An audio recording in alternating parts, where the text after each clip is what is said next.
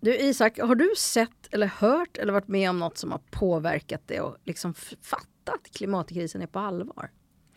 Eh, alltså jag tänker att den här sommaren 2018 var lite sån där eh, ögonöppnare för många. Det var så extremt varmt. Det, var, det kändes som det var den här första sommaren. Sen eh, kom den i alla fall ett år till sen, har jag för mig att det var den här rejäla supervärmen liksom. Mm. Men eh, jag kan inte säga att, att stormen Gudrun på något sätt var, jag är ju från de södra delarna av landet, men det är någon som har missat det på min dialekt. Mm. Så att jag har, har ju upplevt den här stormen Gudrun mitt i sitt epicentrum kan man säga. Mm. Eh, och det var ju kanske ingen lärdom av, av eh, klimatkrisen just då, för jag vill inte stå och påstå att, att just den stormen var en, en frukt av eh, våra ökade koldioxidutsläpp under industrialiseringstiden och framåt. Men, men, men det var en ögonöppnare i alla fall för naturens kraft på något sätt och det mm. skrämde mig jättemycket kommer jag ihåg. Mm. Eh, och fortfarande när det, när det drar sådär eh, starka vindar eh, och, eh, och huset knarrar till lite så får jag en liten en klump i, i, i bröstet. Mm. Det var extremt obehagligt kan jag säga, att bo på landet mitt i skogen när det blåste så mycket. När, när det brann 2018, eh, då fick eh, faktiskt min familj evakuera. Eh, ja, med, eh, vi har min... Eh, från Lidingö? Nej, inte från Lidingö. utan faktiskt i Bergslagen så har vi, okay, okay. Har vi en släktgård. och eh, brand, den har funnits i familjen sedan 1500-talet och, och, och, och jag tror att många av oss i familjen vi har oerhört starka känslor för den här byn. Och eh, när den här branden spreds så där snabbt då, då trodde vi att nu är det kört mm. och eh, eh, djur och människor fick eh, eh, evakuera. Kom in i det här packningsledet, vet man börjar packa? Och... Faktum är att jag inte gjorde det, var min farbror med familj som skötte okay. packningen. Ja. Men det, vi följde det här då med, med, med spänning och fasa. Men sen lyckades de ju stoppa den här branden vid kyrkan i grannbyn. Men det var väldigt herregud. omruskande i alla fall. Ja. Där kom det nära för er kan man säga. Ja, det kom nära.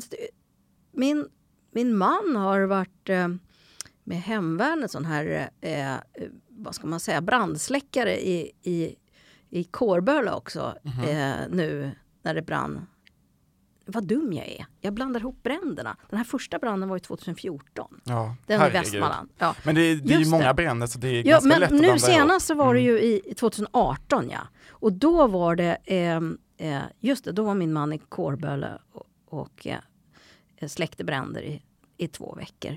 Jag var inte där, men jag fick höra hans berättelser i alla fall. Mm. Mm.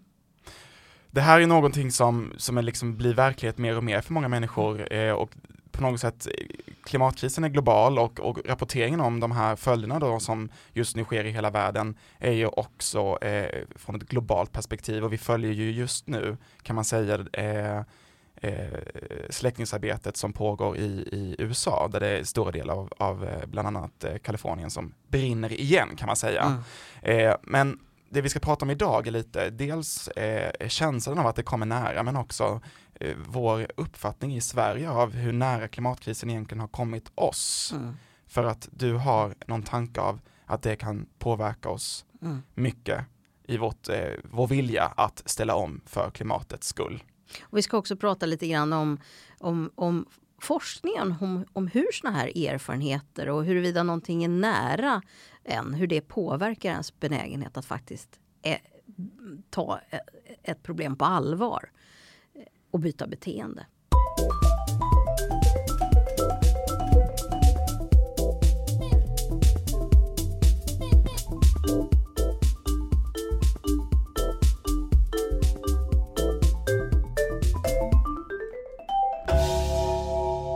Hjärtligt välkomna till ett nytt avsnitt av eh, podden Klimatgap med Maria Wollratz Söderberg. Hej Maria!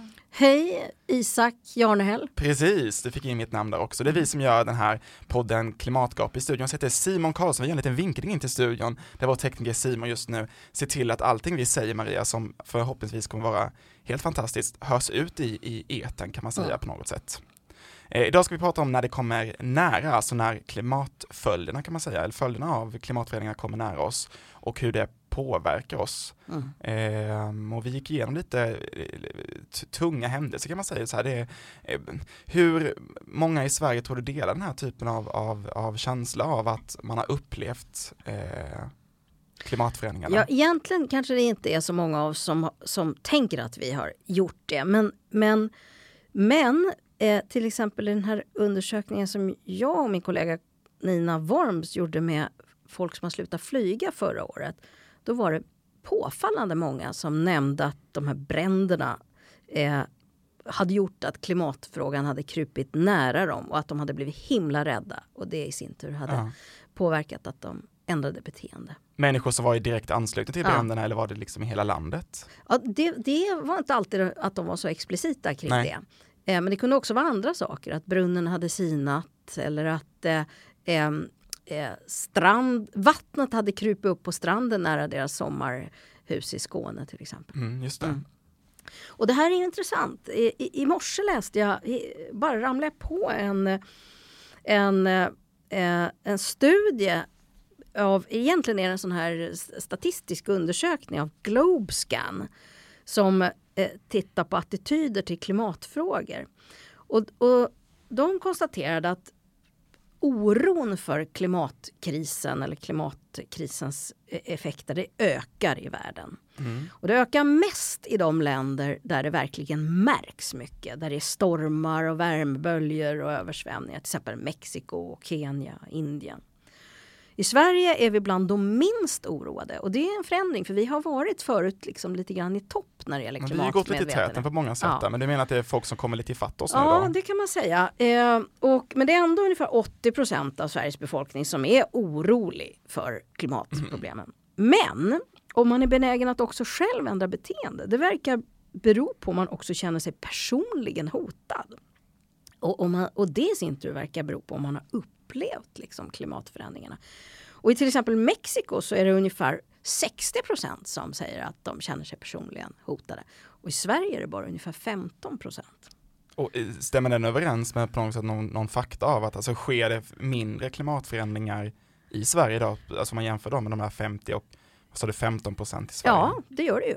Eh, och det är inte så konstigt därför att eh, eh, det är klart att eh, i, i de länder där det redan är väldigt varmt så är det till exempel mycket värre med en värmebölja. Mm.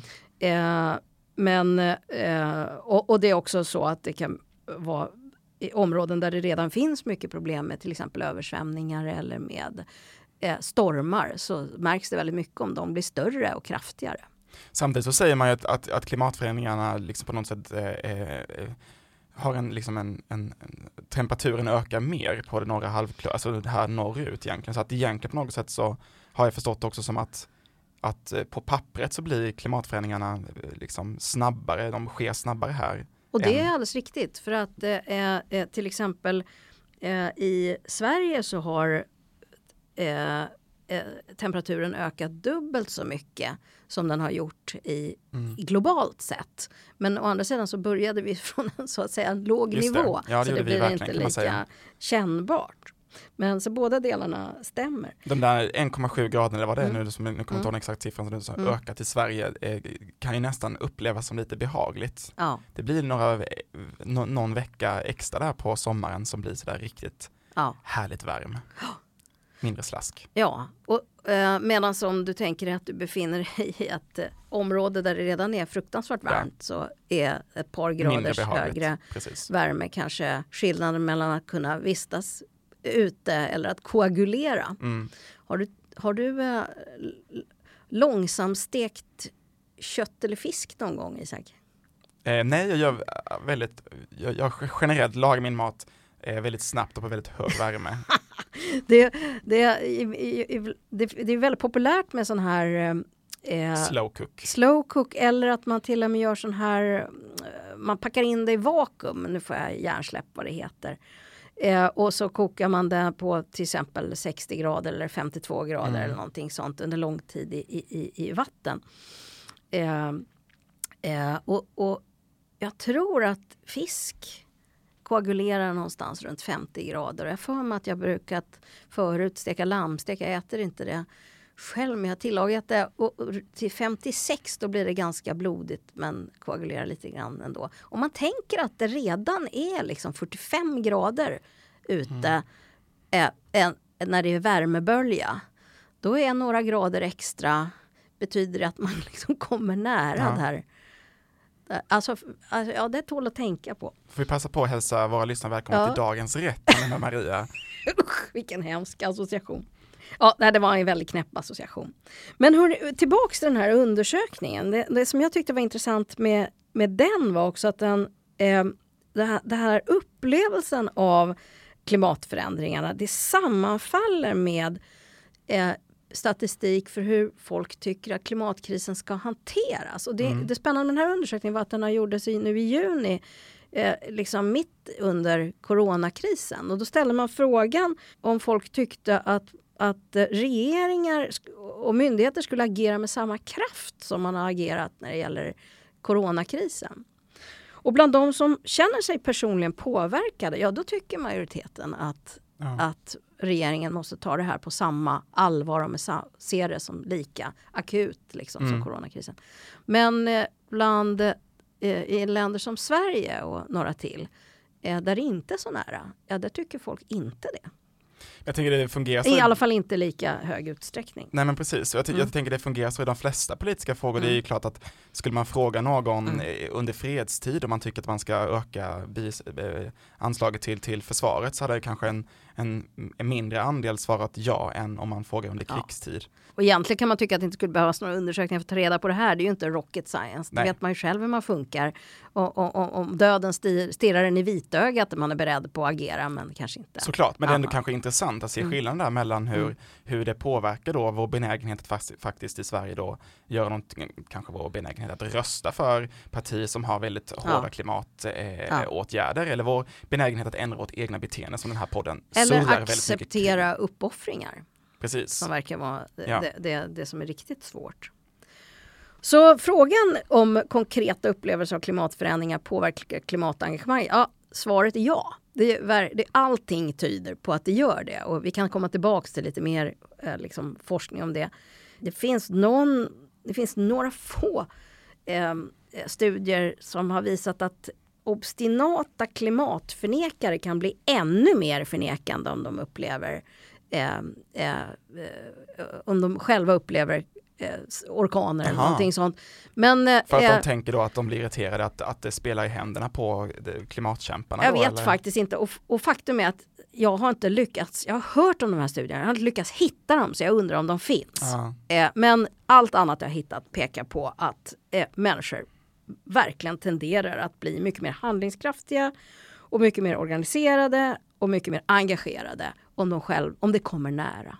Men Jag tänker en, en viktig aspekt i det här kanske också att, att man då har kunskapen om hur klimatförändringar liksom eh, ser ut i, i, på den platsen där just du bor. För att Mm. det är ju lätt att, att stirra sig blind på de här gradernas ökning eh, och, och inte förstå att, att en varmare sommar är liksom inte den enda konsekvensen av detta utan till exempel på norra halvklotet så förväntas det bli blåsigare, stormigare och regnigare också Mm. av den här temperaturökningen som bara är då några, för, bara för att nämna några andra konsekvenser. Och då gäller det också att känna till det, att, att en, en, ett regnigare år, en regnigare höst, vår eller sommar är också en konsekvens av, av, av klimatförändringarna.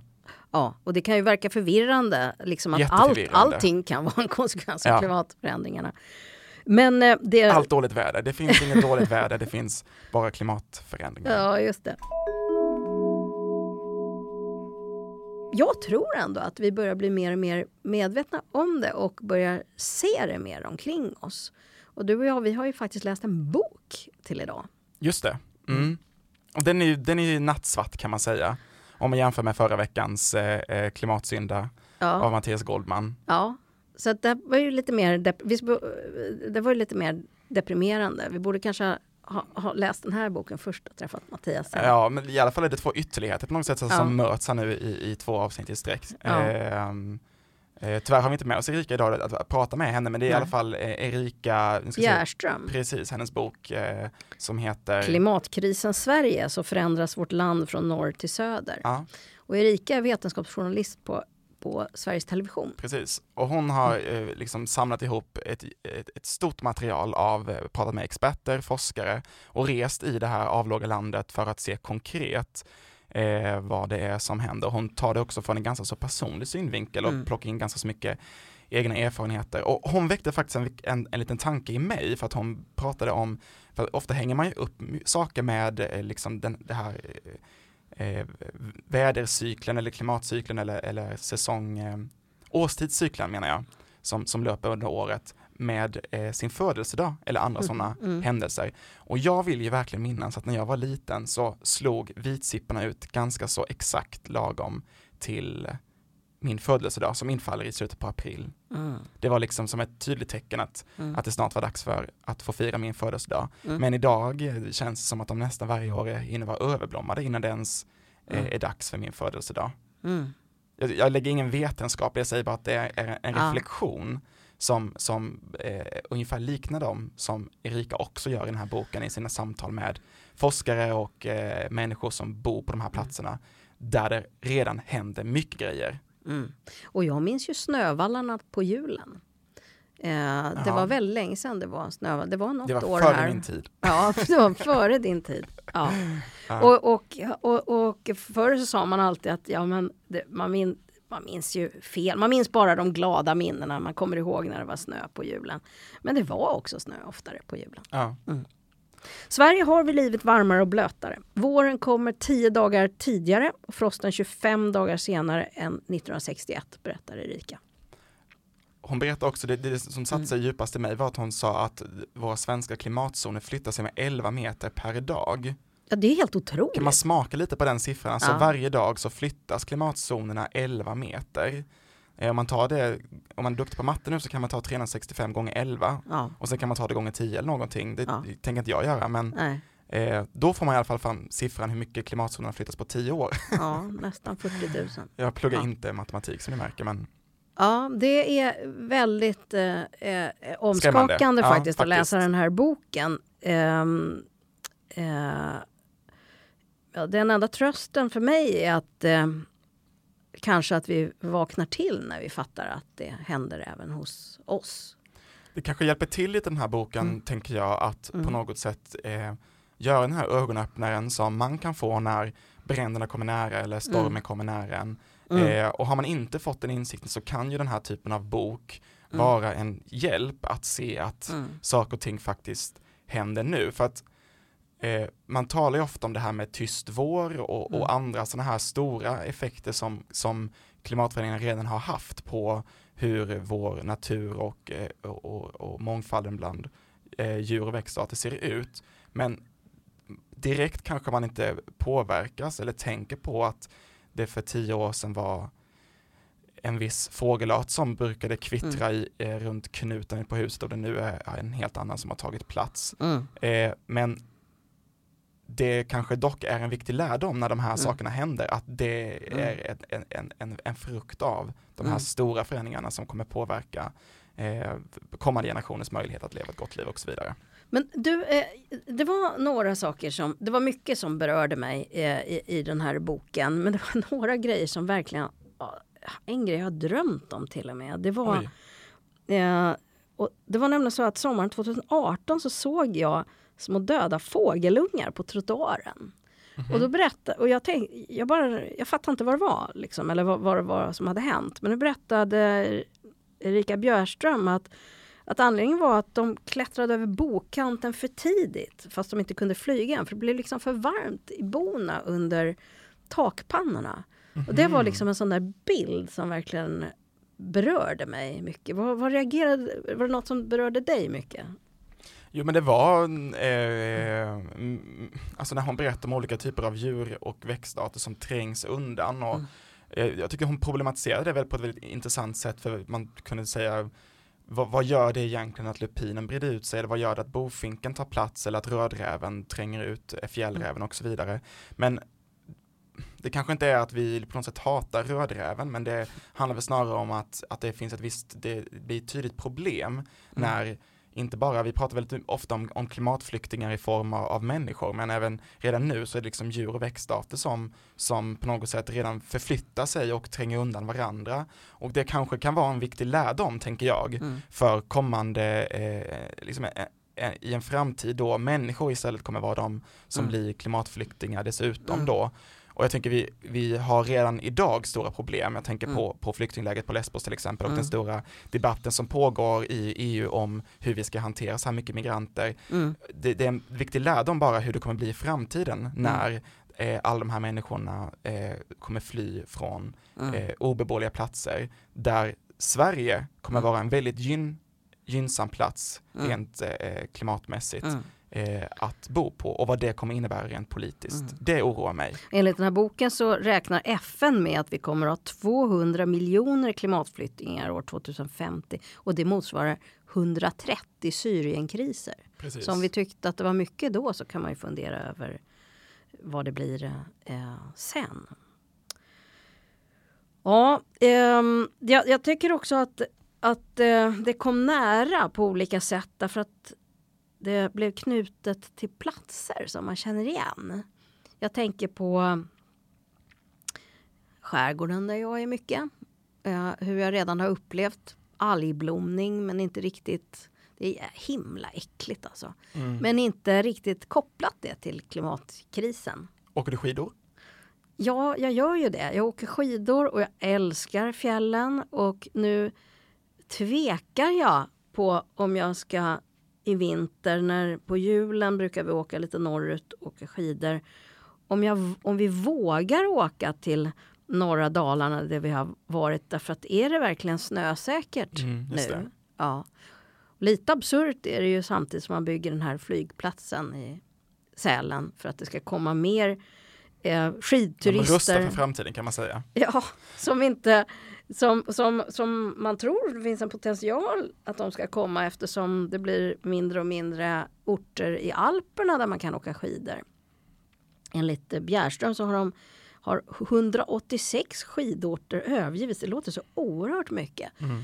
Eh, och då finns ju chans att tänka att de kanske vill komma lite norrut istället. Då. Men samtidigt om de flyger hit så bidrar de ju till, ja, det blir till klimat, till utsläppen. Så det finns ju någonting väldigt eh, märkligt och paradoxalt i, i det här. Men jag tänker just det här när att, mm. att liksom klimatförändringen kommer nära oss. Eh, mm. Då tänker vi ju lätt när man ställer den typen av fråga, har du upplevt klimatförändringarna? Liksom, mm. Liksom, har du stirrat, eh, stirrat eh, den potentiella döden som faktiskt mm. klimatförändring kan innebära i vitögat. Mm. Och då tänker man på stormar och bränder och den här typen av mm. saker. Mm. Men det är ju inte helt fel. Jag tänker vi har pratat om det här lite innan, att också hänga upp sig på alla de här härliga grejerna som kan försvinna. Mm. Att det är ju inte helt galet heller att säga att ja, jag har upplevt klimatförändringarna för att jag kan inte längre eh, åka skidor på sportlovet till exempel, mm. för det är inte tillräckligt eh, kallt mm. då. Mm. Eh, finns det någon problem, något problem tycker du att man, att, liksom att man hänger upp det på eh, sådana banala grejer som att man inte kan åka skidor på sportlovet? Eller liksom, är de lika viktiga den typen av lärdomar eller använder vi oss av dem på samma sätt? Åh, det är en sån himla bra fråga Isak. För å ena sidan så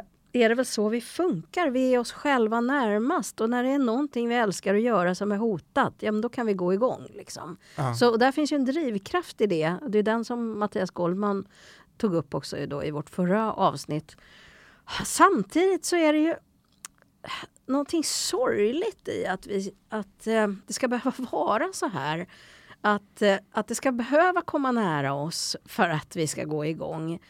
Eh, det, det är Eh, det, det, man har till och med gjort undersökningar om, om, om, om, om det här. när folk ska gradera de allvarligaste klimatproblemen, ja då lyfter man ofta fram sånt som är, just stormar och så vidare. Och, och det, ja. det är saker som är långt fram i tiden eller långt borta.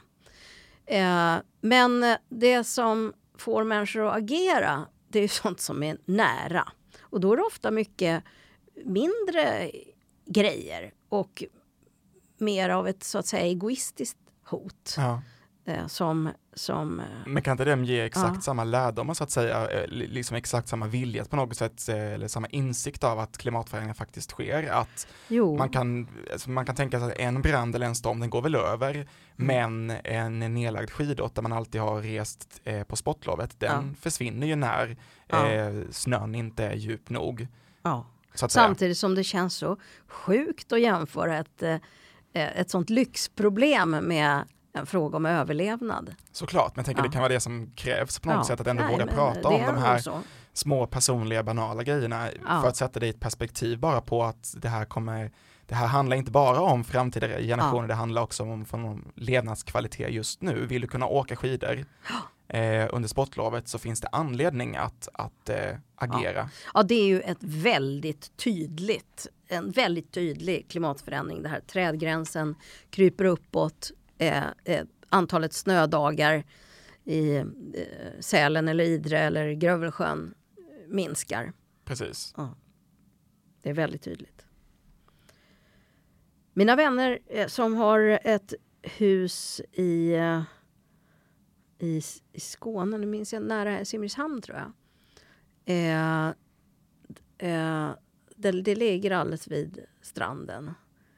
Och, De har inte problem med, med skidåkning kan man säga. Nej, de har inte problem med skidåkning. Men det är faktiskt så att det är väldigt synligt hur, hur strand, stranden blir äts upp ja. bit för bit av vattnet. Så där är det ju väldigt påtagligt.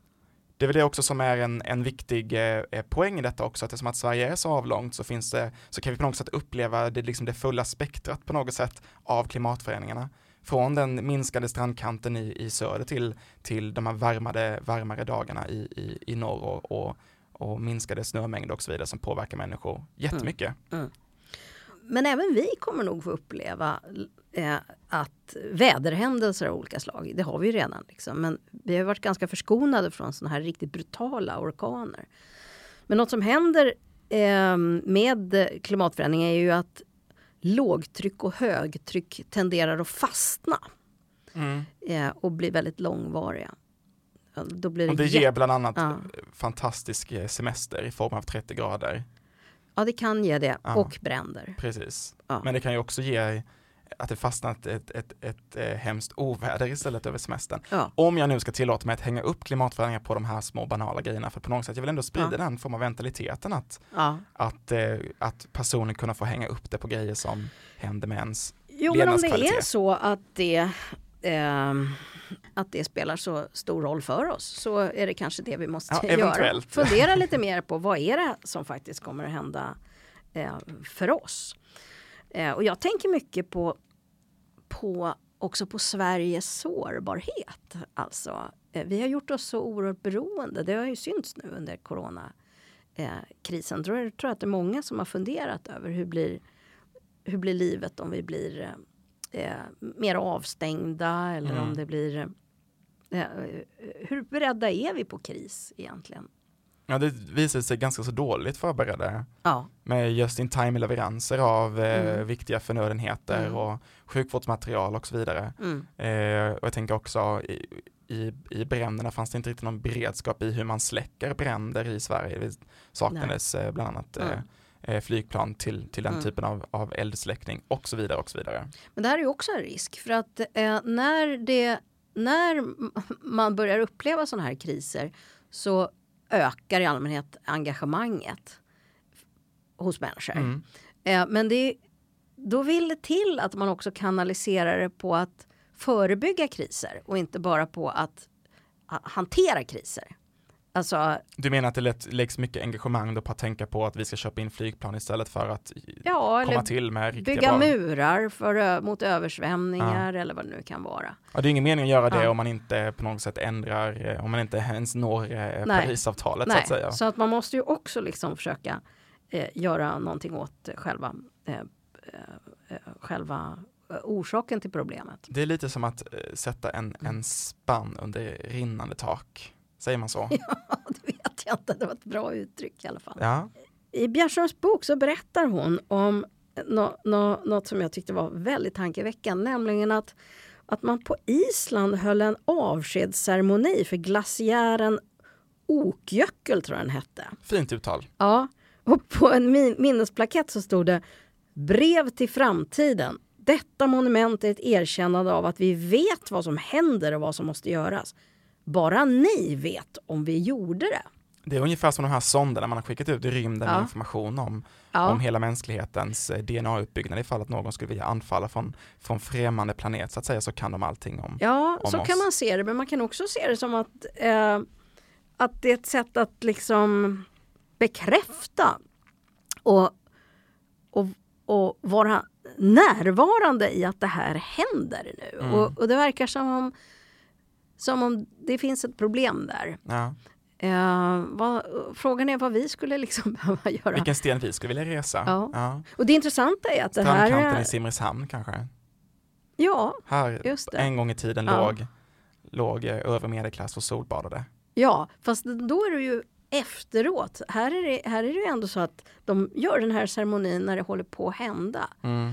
Eh, och eh, Men vi ska inte åka till Simrishamn nu menar du grabbar? Eller kanske det vi ska göra? ja, det är ju snarare det vi kanske Ja, skulle göra för att liksom göra oss själva riktigt medvetna. Gillar du att sola? Ja, Då är det dags att dra ner på. ja, Men det handlar väl bara liksom om på något Mm. sätt att, att alla människor behöver, behöver kolla sig omkring så att säga Mm. och, och, och, och, grejer, mycket grejer som är tråkigt med eh, Mm. vårt väder så att säga Mm. eh, tenderar ju att förstärkas av klimatförändringarna. ja. Alltså de, bränderna blir fler men de liksom, regnperioder och, och översvämningar blir också fler. Liksom. Mm. Vi går mot mer extremväder och, det, och Mm. det är väl det som kanske är problemet att vi hänger upp oss för mycket om den här, när man pratar om två graders ökning så tycker ju kanske eh, många människor att det låter inte så himla farligt med två graders Mm. ökning. Men det är ju också vad som kommer för konsekvenser av två graders ökning. Mm. Vi kan ju sätta på oss en extra jacka eller ta Mm. av oss en extra jacka Mm. snarare. Men det kan ju inte klimatet eller liksom naturen kan ju inte göra Nej. det. Och det är ju vi beroende av naturen, om det var någon som inte visste det liksom. Men det finns en hel del forskning om det här med närhet och distans. Eh, man har gjort studier som visar att folk som har varit med om till exempel stormar och översvämningar. Eh, för, först och främst de som har påverkats direkt. Det leder till ett större engagemang, en benägenhet, en uppfattning om den egna sårbarheten och en mer re, liksom realistisk riskbedömning. Mm. Och, och det tänker man ju själv, har man varit med om en brand, ja då glömmer man ju inte bort att försäkra sitt hus sen efter det. Nej, Ja, så det är ju inget konstigt. men vi är ganska oförsäkrade kan man säga just nu. Ja, just det, det var en, en bra poäng. Men, men det är även sådana som har påverkats indirekt eh, men känner till folk som har varit med om det eller hör Mm. berättelser eller lever nära eh, påverkas av det. Men det som det också tenderar att leda till det är ett större engagemang i rörelser av olika slag. Och det är ju du en stark eh, förespråkare för. Ja, det, det kan man säga att jag är. För att det, det tycker jag är en sån insikt jag fått genom att titta på den eh, forskning som finns. Att, att om det är någonting som kan förändra Mm. eh, människors beteende så är det just rörelser. Mm. Och, och det kan också förändra system. Exakt. Och en annan sak som är intressant det är att har man varit med om sådana här händelser så har man också i allmänhet ett ökad eh, eller, sådana personer visar ett ökat stöd för regleringar och politiska satsningar. Alltså, eh, eh, och, och det som sagt inte heller så jättekonstigt. Nej. Men sen är det det att om det nu är, är så att eh, vi först tar de här grejerna på allvar när de redan har hänt. Det är ju ganska deprimerande. Mm. Eh, finns det något sätt som man skulle kunna liksom få människor att ta de här förändringarna på allvar innan de riktigt har hänt? Eh, den frågan är ju jätteviktig. Ja, just jag. det. Och då, då Men det, har man inte gjort det jag tänker det är precis det vi har matats med nu under liksom ett tiotal år. Det finns sådana här, eh, har man, man har liksom själv in så här på kvällstidningarnas hemsidor kunnat dra i en liten spak så här för att se havsnivåhöjningarna i hela Ja. världen och så ser man då bland annat Simrishamn tyna bort un, under Ja. havet. Så då kan man ju konstatera att ja, men det verkar inte ha funkat så himla bra för vi fortsätter att släppa ut mer och mer Ja, eh, det är det jag tänker. eh, växthusgaser varje år. Utom möjligen när vi har en eh, coronaepidemi. ja. Men ehm, Och det kan vi inte ha varje Ja, år. och då skulle man ju kunna lägga sig ner och dö, säga. Nej, men då skulle man ju kunna ge upp egentligen. Men hur som helst så, så verkar det ändå finnas vissa sätt att eh, prata om de här sakerna som tenderar att eh, eh, påverka människor att att ändra beteende bättre än andra i alla fall. Mm. Eh, och, och ett problem har varit att mycket av kommunikationen kring eh, klimatfrågor eh, det har ju varit att man förmedlar vetenskap och vetenskapens språk och Mm. metod och så vidare är ju, är ju där ingår distansering, det ingår eh, abstraktion, det ingår eh, eh, att man uttrycker sig med hjälp, man formulerar teorier, eh, man ska vara eh, objektiv och- och så vidare. Det är en massa ideal där som inte riktigt svarar mot hur människor, eh, vad som driver människors beteendeförändringar. Och det, det finns liksom en missmatch kanske mellan hur det, det, sättet att tala om vetenskap eh, har passat ihop med det som påverkar människor eftersom det som påverkar människor verkar vara det som går att föreställa sig, det som ligger nära, det som är subjektivt, Till exempel Sportlovsresan. sportlovsresan. Det som går att se framför sig, Mm. att det är visuellt liksom på något sätt. Och det man upplever att det angår en. Lokala risker. Det, det tyckte jag var intressant nu under coronapandemin så visade det sig att luften kring en del städer blev märkbart eh, renare. Mm. Och det verkar ha påverkat människor en hel del. Ja, att man har fått se det, det positiva av Ja. klimatförändringarna. Men liksom, samtidigt är det ju djupt förvirrande därför att det som har försvunnit är ju inte koldioxiden. Ja, det har minskat lite också. Nej, men det är ju inte mer det. Miljö, ett miljöproblem så att Ja, säga. det är ju kolpartiklar och Ja. annat. Så att, eh, men ändå, den här känslan av att, att eh, Men det går väl lite hand i hand tänker jag för att, man, för att bli av med de här partiklarna i luften så är det bland annat eh, kolförbränning och, och, och, och, bilmotorer Ja, som, som att- behöver bort från stadskärnan. Så att det går hand i hand, det är Ja. alldeles riktigt. Men, men det, det som också verkar påverka är ju att man om man inte kan erfara något själv så verkar andras erfarenheter, om de berättas som erfarenheter, inte som statistik, utan som, som personliga vittnesmål, det verkar också påverka Mm. väldigt mycket. Och något annat som verkar påverka är om, om det går att göra någonting. Alltså, han, alltså kommunikation som pekar på handlingsvägar och inte ger bara vanmakt. Ehm, eh, och det är faktiskt en lustig grej. En undersökning eh, av över, människor som har erfarit översvämningar så visar det sig att de som har erfarit översvämningar de känner mer handlingskraft än de som inte har erfarenhet. Och det är också en mycket intress- ett väldigt intressant. Men går inte det hand i hand bara med att de har upplevt eh, klimatförändringarna liksom? Jo, men att de också känner sig, man skulle kunna känna sig att de är, ännu mer känner sig som offer då. Nej, men de blir Mm. också mer menar. handlingskraftiga. Ja.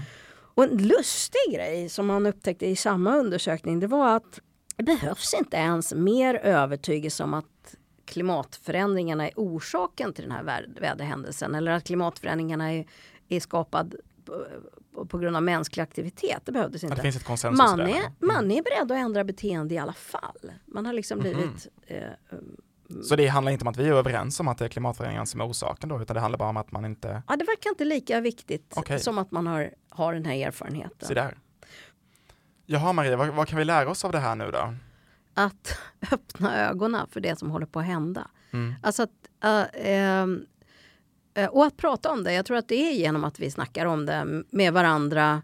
Jag tycker Rika Bjärströms bok är väldigt upplysande. Vi kanske behöver bli omruskade. Ja. Så att eh, läs den, det finns flera. Det finns en, en, ett- en, en, en mängd olika eh, böcker som håller på komma nu och, och poddar och andra Mm. som, som handlar om de klimatförändringar som faktiskt pågår i Sverige på olika sätt. Exakt. Det är en sak. En annan sak är att eh, när det gäller klimatkommunikation så kanske det är väldigt viktigt att, att uppmärksamma de här sakerna som är nära och borra i dem och att kommunicera med de personer som berörs av det. Mm. Men en sak som vi faktiskt inte har nämnt, det har också visat sig att det, det är en sak att man kan väcka ett engagemang och känslor, men om det där blir hållbart och också leder till beteendeförändringar i längden, det verkar bero på om det finns ett socialt sammanhang och ett stöd eh, för det. Så om, om, om man kan i grupper, på arbetsplatser, i olika sammanhang också prata om de här grejerna Eh, eh, om det får lite mer plats i medier, om, om det får mer plats på i, Facebook och Instagram ja. så finns det all anledning att tro att det kan också hjälpa oss att liksom stanna kvar i den, den här krismedvetenheten. Mm. Eh, och, och kanske också då bli mer villiga till beteendeförändringar. Det finns ändå en liten hoppfullhet i det där på något sätt också. Men vägen dit kanske behöver vara lite obehaglig stundom. Ja, men när jag läste den här boken av, av Erika Bjärström, då kände jag mig jätteledsen. Ja. Men eh, det är ju som att den där sorgen kommer med en sorts liksom handlingskraft också. Ja. Det var fina slutord. Det får bli eh, slutet på dagens avsnitt. Klimatgap är en podd som produceras av Södertörns högskola och eh, vill ni lyssna på våra tidigare avsnitt så kan ni göra det där ni lyssnar på poddar. Det finns en hel uppsättning av olika ämnen som jag och Maria har diskuterat tidigare om ni inte har hört dem. Vi säger tack till vår eh, tekniker Simon Karlsson och producent Ulf Larsson och vi ses nästa vecka. Ha det bra Maria. Ha det bra.